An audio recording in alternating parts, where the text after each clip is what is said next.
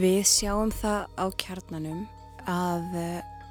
mjög stór hluti af okkar umferð kemur inn í gegnum samfélagsmiðla og það hefur verið þannig frá upphafi. Þórun Elisabeth Bógadóttir, aðstóðar reittstjóri á kjarnanum. Samfélagsmiðla nótkunn fer vaksandi ennþá á Íslandi og ég held að vægi samfélagsmiðla já sé alltaf að aukast almennt og fólk notar samfélagsmiðlana í auknum mæli til þess að ná sér í frettir. Það fer ekki endilega inn á allar frettasíður eða skoðanasíður. Uh, það er ekki endilega með þær bara hjá sér heldur treystir á það ef það er áhugavert efni þarna úti á internetinu að þá uh, muni vinir eða einhverju kunnugir þeim á samfélagsmiðlum benda þeim á það. Og á móti þá einstaklingar gera það sjálfur ég meina þeir fólk deilir efni sem að því finnst áhugavert. Og við, litlir miðlar eins og við tristum svolítið á það að við séum áhugavert efni og fólk hjálpi okkur við að koma því ennþá lengra.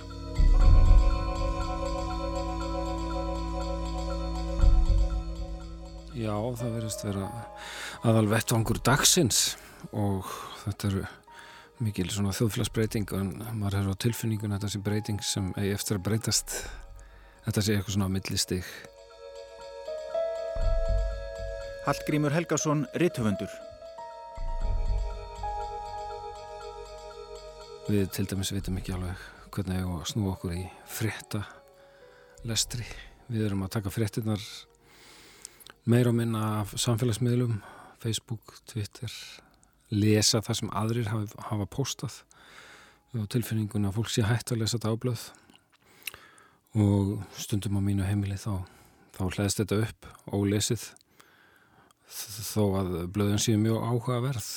Það er bara eitthvað í tímanum sem heldur manni við tölvuna frekar en papirinn öfugt við það sem er að gerast í bókáttgáfi þar sem að bókin finnst alltaf að halda velli og rafbókin er að láta undan síga og hljóðbókin er að koma inn og þetta er, þetta er eh, já, þetta er svona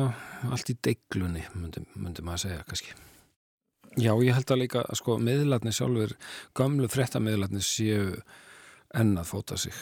og við að uh, vitum ekki alveg hvað við viljum fá frá þeim og vitum ekki hvernig við viljum hafa þetta. Frettir núna er náttúrulega að gerast allan daginn eins og ekki alveg en munurinn sá að við viljum vita strax um þar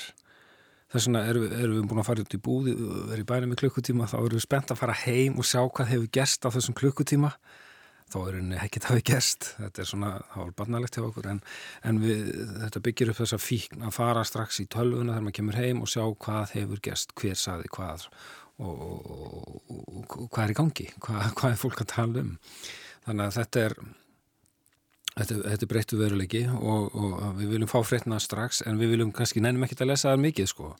svona rétt hæpum á þeim og, og þá er komið næsta og stundum hefum á tilfinninguna að Facebook hafi breyst í færiband þar sem 100 manns, 200 manns á Íslandi til dæmis setja við færibandið og, og býðast þér að næsta nexlismál komið til þeirra og, og svo takið að sirpu á það nexlismál og svo, svo bara næst, næsta og næsta og næsta og okkur miðarinn ekkert fram, það verður engin umræða, það er bara alltaf öskrað og svo kemur næsta nexli og við fáum útrás í því og og, og þetta verður ekki til svo mikils heldur er þetta bara svona einhver útrás það sem fólk situr heima við líklaborð e, við erum svolítið hugsið yfir þessu öllu og svona sjálfur svona aðeins mingað þessa áráttu hegðun. Og reynda sko að kannski að hugsa eitthvað aðeins út fyrir þetta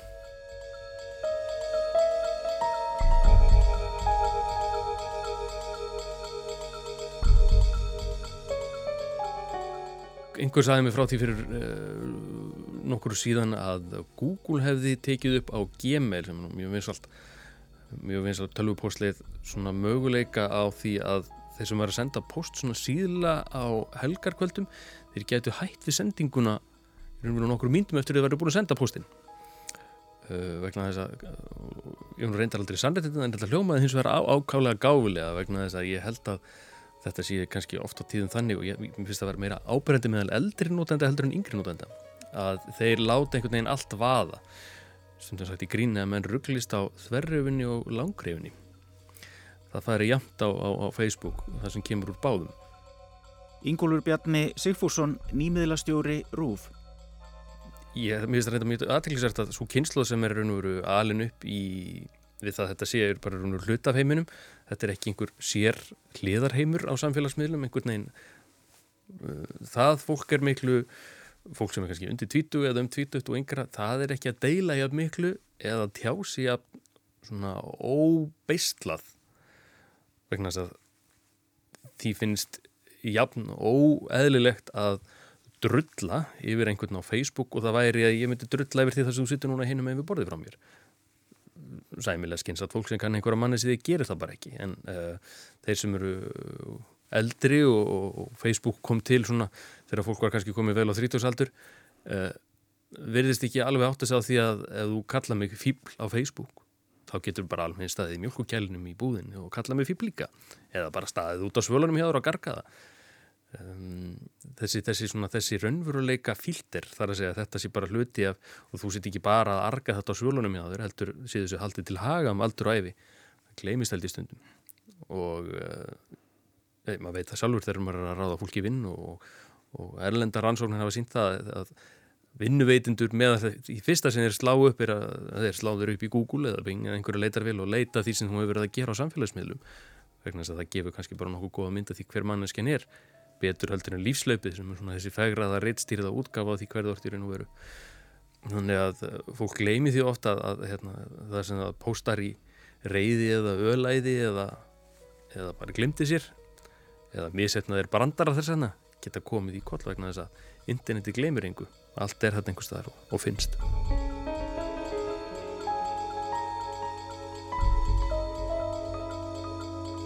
Eh, Það er óbúslega auðvelt, ég held að sé ekki til neitt gott orð á íslensku yfir það en við notum það oft á, upp á önsku sem er clickbait. Frettir sem að, og fyrirsagnir sem eru sérstaklega hannaðar til þess að fá fólk inn á vefina. Við reynum að passa okkur að vera ekki í því. Því það er, það er auðvelt og það er freistandi oft til þess að koma fólki inn á síðuna og, og þannig fá meiri umferð. En við reynum að gera það ekki. Auðvitað skipti máli að, að huga að þessum deilingum á samfélagsmiðlunum og hafa þær aðlæðandi og láta þær skýra út um hvað viðkomandi frétt eða grein snýst. En uh, við skrifum ekki með þetta beinleinis í huga, ekki greinarnar sem svo er inn á vefnum. En við gerum deilingar og deilingarnar eru miðaðar, sko þær eru ólíkar eftir til dæmis hvort við erum að deila á Facebook eða Twitter. Ekki bara vegna þess að á Twitter er minna pláss og færi stafir í bóði heldur bara vegna þess að við höfum upplifað þannig að hópurinn sem að lesa okkur í gegnum Twitter er bara öðruvísi heldur en hópurinn sem kemur inn í gegnum Facebook. Þannig að við höfum reynd að stíla inn á þessa hópa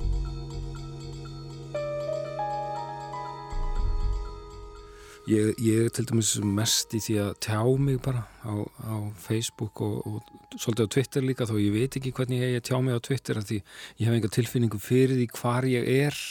við hvernig ég er að tala. Þó ég mikið af followers eins og það heitir þá, þá, þá finnst mér ég þurfa að tala ennsku að því að það meira hlutin að þeim býr ellendis en ég get ekki verið að tjá mig um íslenska veruleika hérna. Það er Twitter hjá mér er einhverju limbói en ég tjá mig kannski meira á Facebook og þetta er svona einhver þörf hjá manni til þess að til þess að koma inn í sjónar í umræðun að benda á eitthvað sem aflega fer eða það sem er manni réttlætis mál þannig að ég er nú minna í því að fylgjast með hvað aðrir er að gera. En það er, það er svona ákveðin fíkn held ég og ég held að kona minn segir mér það og er stundum þreytt á því hvað maður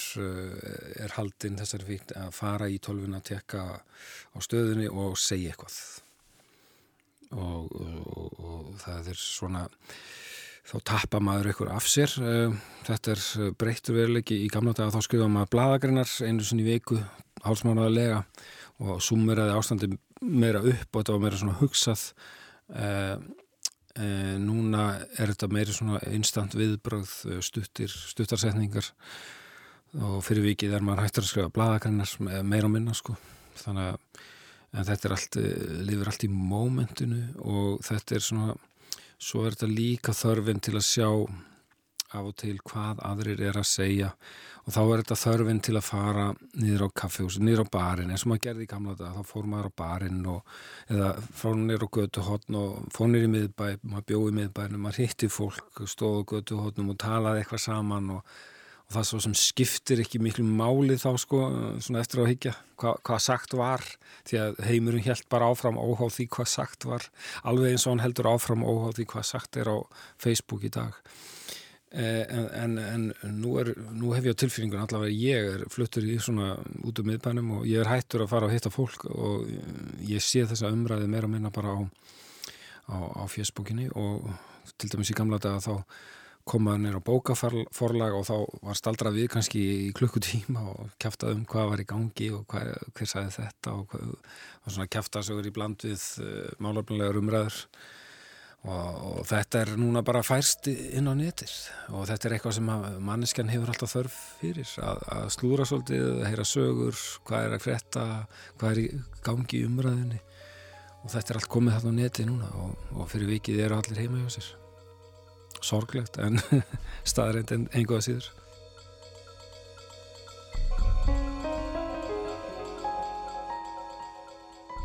Hver er munurinn á fólki sem er Twitter og Facebook? Twitter er um, að meðaltali held ég með yngra fólki uh,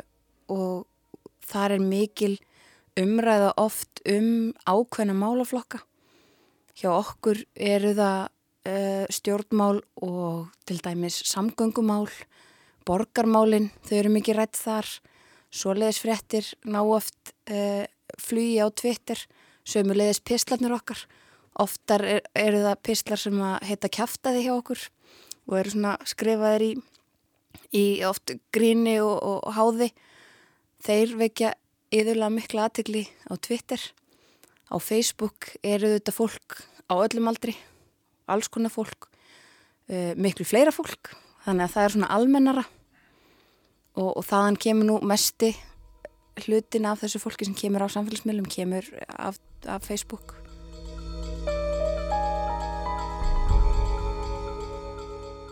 Svona stærri fyrirtæki er oftast með mjög fyrirfram ákveðna stefnu á samfélagsmiðlum og skaffa manni jafnvel efni bara til þess að vinna með. Aðrir eru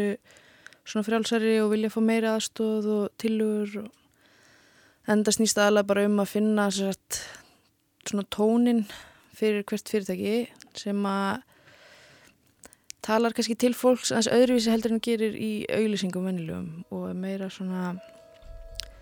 já, á mannlegu nótunum. Berglind Péturstóttir, verkefnastjóri samfélagsmiðla á auglýsingastofunni NM. Er annar tótn á, á samfélagsmiðlum heldur en í öðrum miðlum? Já, ég held að þurfa að vera aðeins mannlegri sko og líka bara svara fólki og vera dölur að responda. Þannig virkar það langt best eh, það er talað um að mikilvægast að á netinu sé að svara viðskiptavinu sínum sem er alveg sammála sko.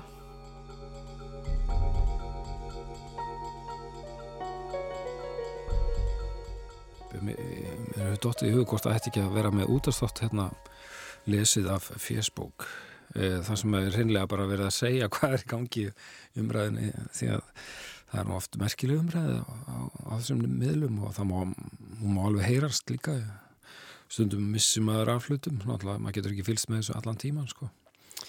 en, eh, en svo er hitt líka að fjölmjölar eru farin að pikka upp uh, það sem fólk segir á netinu og það getur virkað óþægilega stundum maður vil ekki að eitthvað sem maður segir endi sem einhver fyrirsögn í bladi þá, þá breytist það öðlast einhvern veginn annað og meira vægi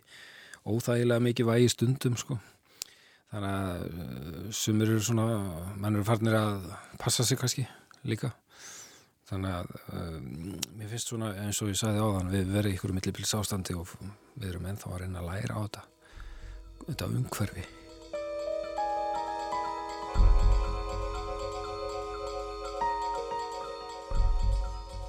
við sjáum nákvæmlega á báðum þessum miðlum uh, þá sjáum við nákvæmlega hversu margir uh, íta á hvern link, hversu margir deila, hversu margir láta sér líka við. Og það er svolítið magnað að geta fylst með því. En það getur líka verið ofbáslega erfitt og, og þreytandi vegna þess að oft er búið eða miklum tími að skrifa efni og okkur finnst það gott og eiga erindi en það næri einhver flugi og það getur líka bara skipt máli hvenar hvaða tíma dags það er sett inn. Það getur svo margt haft áhrif á samfélagsmiðlunum. Og það getur oft verið svolítið perrandi fyrir lítinn miðl sem er háður samfélagsmiðlum.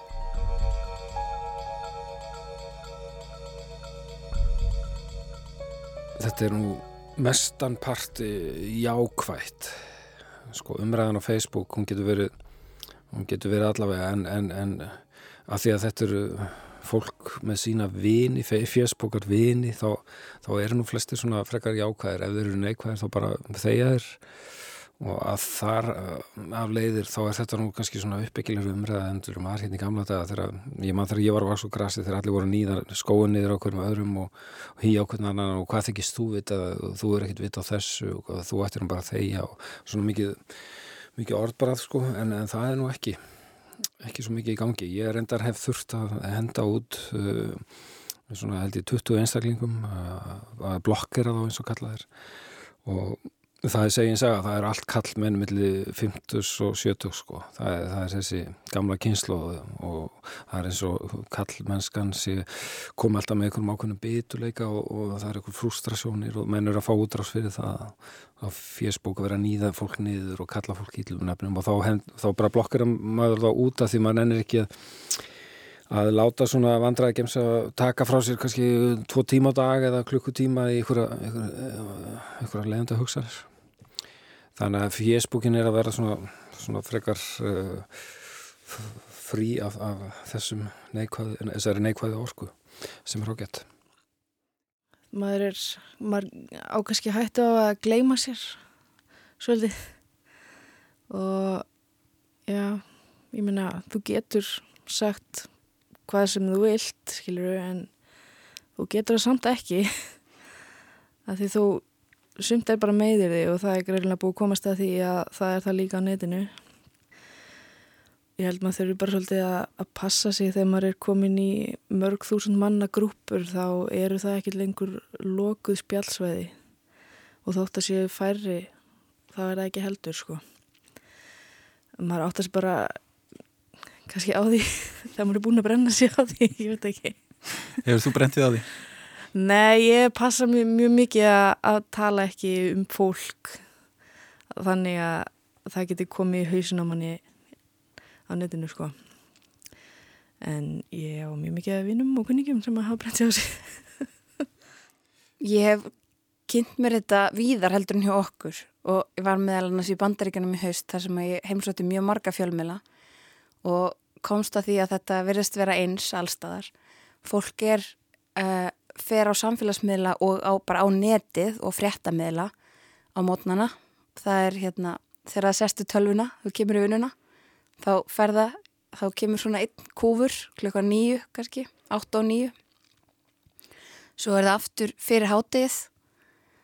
svo er það aftur eftir hátegið, kannski með leitt og tvö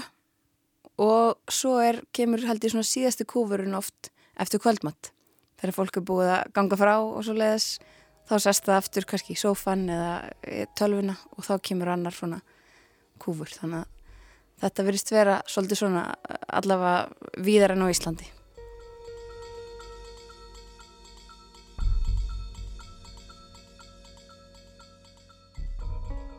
Nýtist þetta þér í, við skrifin? Þessi heimur? Ég veit það ekki, eitthvað tíman kannski kemur að því að ég mun skrifa samtímasögu aftur, ég gerði þá kannski á tíur og fyrst yfirleitt og, og ég hef nú ekki gert það sagt, síðan í Róklandi 2005 en hérna það kemur að því að maður gerir það og þá, þá vil maður hafa verið í þessum veruleika sem fólk er í, þá vil maður þekkjan. Ég get til dæmis ekki ímynda mér að hafa ekki aldrei færið á Facebook þá, þá, maður, þá veit maður ekkert hvað er í gangi í þjóðfélaginu. Þá þekkir maður ekki þjóðfélagið sitt það er alltaf svona, í mér allavega einhver kvöld til þess að reyna að þekka sitt þjóðfélagi eins vel og maður getur. Þannig að þetta er, þetta er nýr veruleiki. Einhver, einhver nafn kemur upp í umræðu. Þú getur farið og, og, og, og googla það á Facebook uh, þetta nafn uh, uh, það poppar upp uh, og meðfylgja ljósmyndir úr grill, grillveslunni eða fermingaveslunni sem að þessi maður að kona var í síðustu helgi. Allt í þetta er allt annað veruleiki heldur en var í gamla dag, maður hefur miklu meira svona insýn inn í, jáfnvel inn í íbúðir hjá fólki, jáfnvel inn í Svefnibergi sko, fólk er að sína sitt líf miklu meira. Þannig að, þannig að þetta þarf maður alltaf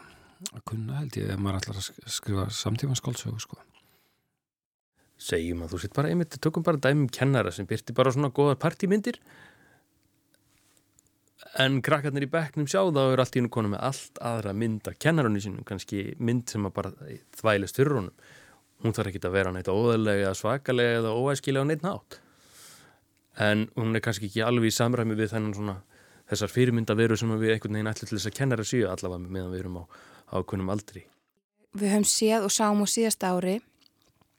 oft er koma upp mál uh, sem hafa verið kallar litlar byltingar oft hérna og þeim máilega skipta að mínu mati allavega í tvent þetta voru annars vegar um, umræður sem tengdust uh, kynbundna ofbeldi og, og kynferðsleira áreitni svona þeim málaflokki og hins vegar uh, flóttamann og einflýtendamálum og í báðum þessum málaflokkum uh, var svona mikil gróska á netinu. Og það er ekkert hægt að segja annað en að, en að í báðum málaflokkum hafi, hafi fólk náðu árangri. Vegna þess að það sem byrjar sem rosalega mikil umræða á uh, aðalega á Twitter í tengslum við þessi kynferðisbrótamál verður til þess að undir lok árs er ákveðið inn í innrækisraðanitinu að, hérna, að stopna samráðshóp og fara yfir all þessi mál og sama má segja í, í innflytjandu flottamannamálunum. Það var umræða á samfélagsmiðlum sem hafiði áhrif á það að Íslands stjórnvöld ákvaða að taka múti fleiri flottamönnum en uppalega var ákveðið og það var, er engin spurning að það var umræða á samfélagsmiðlum sem hafiði áhrif þegar að ákveðið var að veita taumur albunskum fjölskyldum ríkisborgarætt undir lokárs. Og þarna er sko einhver grásrót og eitthvað bara svona sem sprettur upp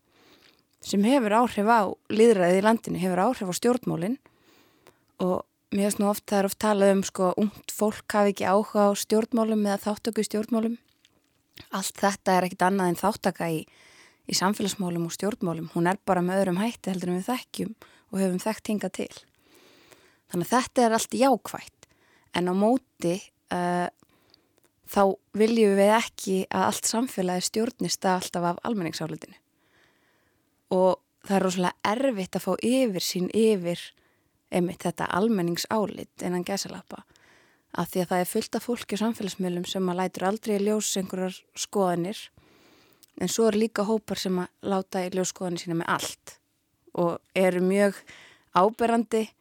og fjölmilar veita þeim oft aðtegli og hérna þannig að þetta er svona, já, þetta, ég held að þetta sé ymmit, rétt að lýsingin sé að þetta er svolítið tvið ekki að sverð og við viljum ekki ymmit eins og svo tökum aftur þessar albunsku fjölskyldur til dæmis. Við viljum ekki búa við kerfi þar sem að fólk sem vil vera hérna á Íslandi þarf að trista á það að ná aðtikli fjölmiðla og fólks til þess að eiga sér einhverja von. Við þurfum bara að vera með breyta kerfinu og vera með kerfi sem virkar jæmt fyrir alla. Þannig að þetta er svolítið hættulegt auðvitað líka. Já, þetta höfðar svona til kvatvísinar í okkur Íslendingum. Já, ymmit, kvatvísinar og kannski hérna populismans í, í stjórnmálunum líka vegna þess að það getur verið erfitt að hundsa ymmit einhverja, einhverja sterkar reyfingu sem kemur upp uh, fyrir stjórnmálamenn og þeir, það getur væntalega líka verið freistandi að afla sér vinsalda með því að bregðast við einhverju svona. En svo er mitt að því þú minnist á kvatvísina þá er það náttúrulega akkurat eitthvað sem að er svolítið ábyrrandi hjá Íslandingum vegna þess að svona mál og, og svona umræður koma upp svo reglulega og svo eru þær gegnum gangandi á samfélagsmiðlum í kannski einn eða tvo daga. Svo degja þær niður og það kemur eitthvað nýtt. Og við gleymum kannski því sem við erum búin að vera að ræða og vorum bara að ræða í síðustu eða þar síðustu viku. Þarna er kvatið sem náttúrulega emitt að verki og við höldum bara áfram og, og erum kannski búin að gleyma þið þegar við erum að tala um albunsku fjölskyldunum tværa að það eru tveir eða þrýr mánuður síðan það var önnur albunsfjölskylda sem við vorum öll að tala um á, á samfélagsmiðlunum en, en, en var vísað úr landi á öndanum og svona þar fram eftir göttunum.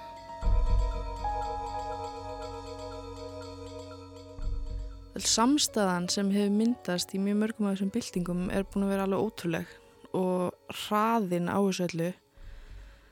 eins og til dæmis þegar nöðgunamáli í hlýðunum kom upp og það var að byrja að fjallum það og það voru mótmæli strax sama dag þá var bara, já já, klukkan 5 í dag þá mótmæli, mótmæli við þessu. Og fólk bara mætti þar. Það er náttúrulega bara frekar svona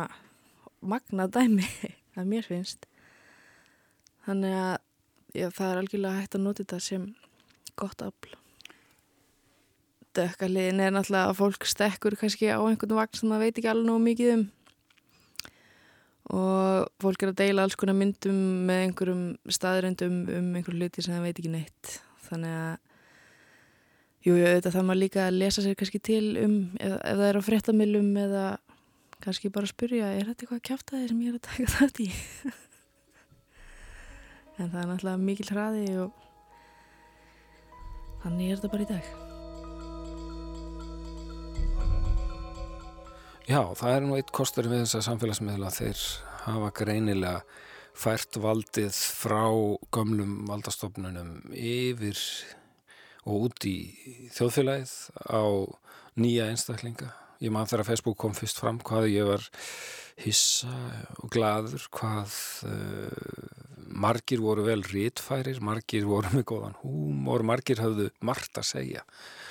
og, og, og þetta voru rattir sem að heyrðust ekki sem að skrifuðu aldrei í blöðin en allt í nú voru farin að skrifa á Facebook og tjási um samfélagsmál og hvað, hvað eina. Og, og allt í nú fannst manni Íslendingar bara stórgáað og merkilegt fólk. Og hérna og þetta fólk allt sem ég fannst líka vakna, þessar rattir sem ég fannst vakna eftir hrun þar sem allir voru mjög reyðir og hafðu rétt á því að vera reyðir og, og langaði til að tjáða uh, að því að fyrir hrun þá þauðu allir og enginn þorða að segja neitt en eftir hrun um, er allir búin að vera öskra. Þúsund rattir hafa fengið að hljóma og þetta er þetta, þarna fenguð er líka tækið og, og áhrifin sem þetta fólk hefur haft eru talsverð mér finnst það. Og og fylgi pírata er einhverju einhverju samingi við þetta og ýmislegt annað. Þó, að, þó svo að hinn formlegu völds liggi ennþá hjá gömlu helmingarskipta flokkonum og þessum gömlu stopnunum sko. en þá er þá er uh, kannski svona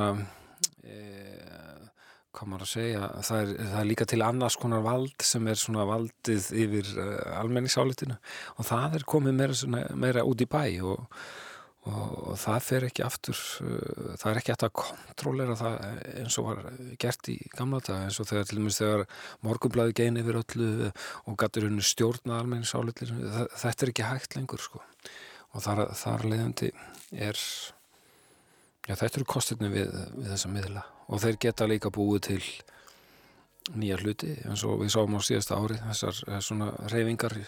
hvernfrelsi og, og fyrir flottamönnum og, og ég segi nú ekki að þetta hafi haft svo mikil áhrifið því að engin flottamöður er enn komin til Íslands en, en hérna samt þetta, þetta, þetta, þetta síndi mátt netsins og fólksins þarna úti.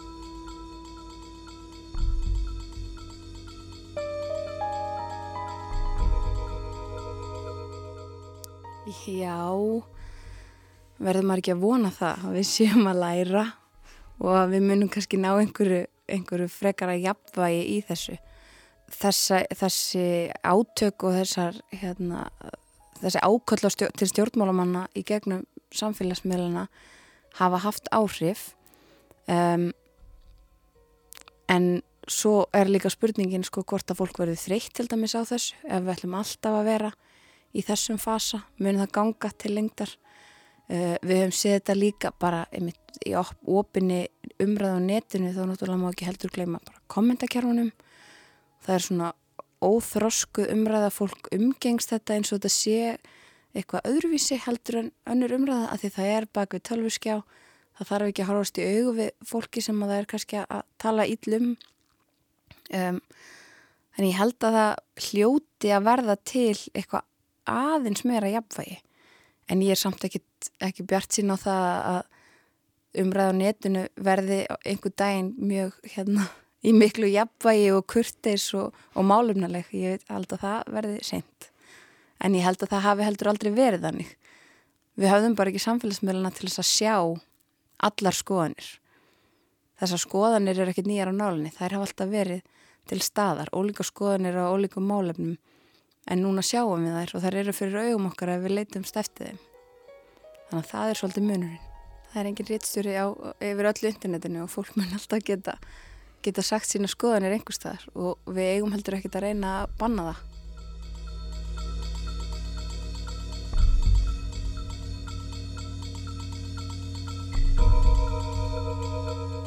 heldur að stjórnmálamenn séu að leggja við hlustir á, á samfélagsmiðlum? Þeir eru að læra á samfélagsmiðluna þeir eru að læra að uh, vera ekki alltaf pólitískir, líka sína á sem mannlega hlið og sína aðeins inn í svona sitt persónulega líf, fjölskylduna á mjög svona nettan hátt uh, vera svolítið skemmtilegir og og þetta er, ég held að þetta sé eitthvað fræði, hljóta að vera eitthvað fræði sko, því að maður sér að sumir, sumir stjórnmál, stjórnmálamenni eh, hafa greinlega lært þetta og, og eru að beita því. Og svo er þetta náttúrulega alltaf ákveðið tæki, þeir geta tjáð sig mjög rætt bara strax um eitthvað sem er að gerast og, og fangað eh, einhvern veginn umræðina strax á byrjunar reyt eh, bara, og þá er, þá er vitnaði þá í frettum en við þekkjum það að þetta er líka galli því að e, íslenska frettir eru ofta ekki upp á marga fiska. Þetta eru þetta eru, eru viðbröð að vera að leita það er í stað þess að frettamæðurinn komist að sannleikanum eða kjarnamálsins þá, þá fer hann út í bæ og spyr hvað finnst þér um þetta? Og, og, og við fáum uh, álit einhvers í kvöldferðstónum og svo fáum við hitt álitið á, í hátægisferðstónum daginn eftir. Einhver annar segir annað. Nei, nei, þetta er ekki rétt hjá honum. Í staðan fyrir að samina þetta tvent í eina frett og reyna að grafast fyrir um hvað er í rauninni í gangi. Og þetta er, er gallin við Ísland og, og hérna Og þetta er gallin við, við íslenska frettamennsku en þetta er líka gallin við neti því að, því að eh, frettir eiga til að fljóta bara fram hjá manni og, og, og maður er svona rétt nær eh, fyrirsögninni og veit ekki alveg hvað hann er um. Uh, og þá, þá uh, vantar okkur í rauninni frettamennsku sem, sem getur um, sumerað upp erfið máli í stuttumáli uh, það segir mann ekkit að, að þylja bara upp staðarendir og þetta er þetta er svona þetta skortir svolítið í frettamönsku að, að, að frettamæðurinn þóri að uh, í rauninni að reyna að segja okkur uh, sannleikan og kjarnan í frettinni Facebook hefur óbúslega mikið vald og ræður því hverjir sjá hvað og hefur það algjörlega í hendi sér hérna, hvernig bara hvað þú sérðu og hvað ég sé Þannig að það er aftur, það er svolítið óþægilegt ofta að vera, hérna, vera háður þessum stóru miðlum en það er bara veruleiki sem er komin til að vera. Ég er lifið eiginlega alveg mikið á netinu og ég geri bara úti í samfélaginu stundum finnst mér. Kanski að því ég er að vinna við að vera á samfélagsmiðlum og maður finnur alveg fyrir ef maður gleymur kannski símanum heima að það er mjög erfitt og það gerist bara eiginlega aldrei af því það er bara átakanlegt að vera ekki með tækið sko. En já, þetta er algjörlega, það er kallað FOMO á einsku, Fear of Missing Out, þegar þú ert þrættur um að vera að missa einhverju sem er að gerast. Og ég man sko eftir að hafa heyrt talað um þetta í útvarpinu þegar ég var bara miklu yngri, ég var á þau grunnskóla. Þannig að það er búið að vera að tala um þetta lengi en já, auðvitað eru til fíklar í þessu eins og öðru. Þetta er svo stór partur af líf okkar. Ég myndi gíska allavega á að þetta nánast uh, það sem mónanast kalla allræði Facebook á þessum vendvangi, það muni eitthvað kvarnast úr því og maður sér raun og verið að maður kíkir á viðskiptamódel Facebook sem er sífælt að meira að færa sig upp á skafti við að, við að vera í raun og verið fjölmiðil eh, efnisveita stóra fjölmiðila útgáfu vettvangur stóra fjölmiðila að það gera menn greinilega ráð fyrir því að til lengri tíma síðan dugi ekki kísuvídeó og, og, og svona stöku stöðu uppfærslur venjulega notenda það þurfi meira til. Uh, yngra fólk er miklu meira, ég rannsóknir sína það er á Facebook eiginlega ég það er að lösa Facebook að svipara ástæðu og Amma fór á Facebook fyrir fimm árum. Amma fór á Facebook til þess að fylgjast með börnum og barnabörnum ekki til þess að vera virk. Uh, yngra fólki fannst náttúrulega frekka þreytandi þegar mamma var orðin vinnur þeirra á Facebook og núna er þetta orðið þannig að mamma er á Facebook allan daginn og rafla og krakkarnir er á Facebook bara svona alltaf sem fylgjast með en deil ekki miklu. Heldur að ungt fólk í dag eigi auðvelt með hann á tökum á þessu miðli? Já, ég myndi það. Allavega betur en eldra fólk. Þóttu mikið að eldra fólki standi sér mjög vel. Ertu með einhverju ráðleikingu til eldra fólk sem er að byrja á samfélagsmiðlum? Já, uh, ef mömmur er til dæmis svona að kommenta og, og, og læka allt hjá börnunum sínum börnunum getur þótt að þreytandi. Og svona vandræðileg komment frá frængum og þannig, eða þetta er bara svona það sem ég er að lendi helst. En bara verið ofeiminu að prógra fram Já maður þegar þú varst lítil og varst að mí mí mí eitthvað. Já, ég mitt og, og stundum geta líka verið blekking eins og í, ég man í fórstættakostingunum þegar Ólafur Ragnar og Þóra áttustuð þá, þá, þá leit maður yfir fjersbúkinu og sá að Þóra var að fara að pakka þessu saman. Það vistist allir vera með henni í liði. En, en þá, þá var náttúrulega átt, átt að maður segja á því að maður lifir í svona mm, kannski fölskum heimi að maður þekkir eitthvað fólk sem er mjög líkt og, og og það ætlaði alltaf að kjósa þóru en svo fattar maður ekki að það var að allir massinaða úti sem, að, sem að var ekki í þessari uh, fjesbókar búblu þarna. Hann, hann ætlaði að gera eitthvað annað og, og þannig að uh, þetta getur líka verið mjög blekkjandi heimur. Þess vegna, uh, er bara kannski til að sumur þetta allt upp þetta er, er allt í deglu og, og við erum enn eftir að læra á þetta og það er eftir að koma í ljós hvaða áhrif þetta mun hafa á lífu okkar hvort að dagblöðu muni degja endalega og all, öll fréttamennska færist inn á netið hvort að sjónvarps línulega dagskrá muni líka degja út og þannig að þetta er, þetta er já við getum búin lítið á þetta sem skemmtilegt svona millibils ástand.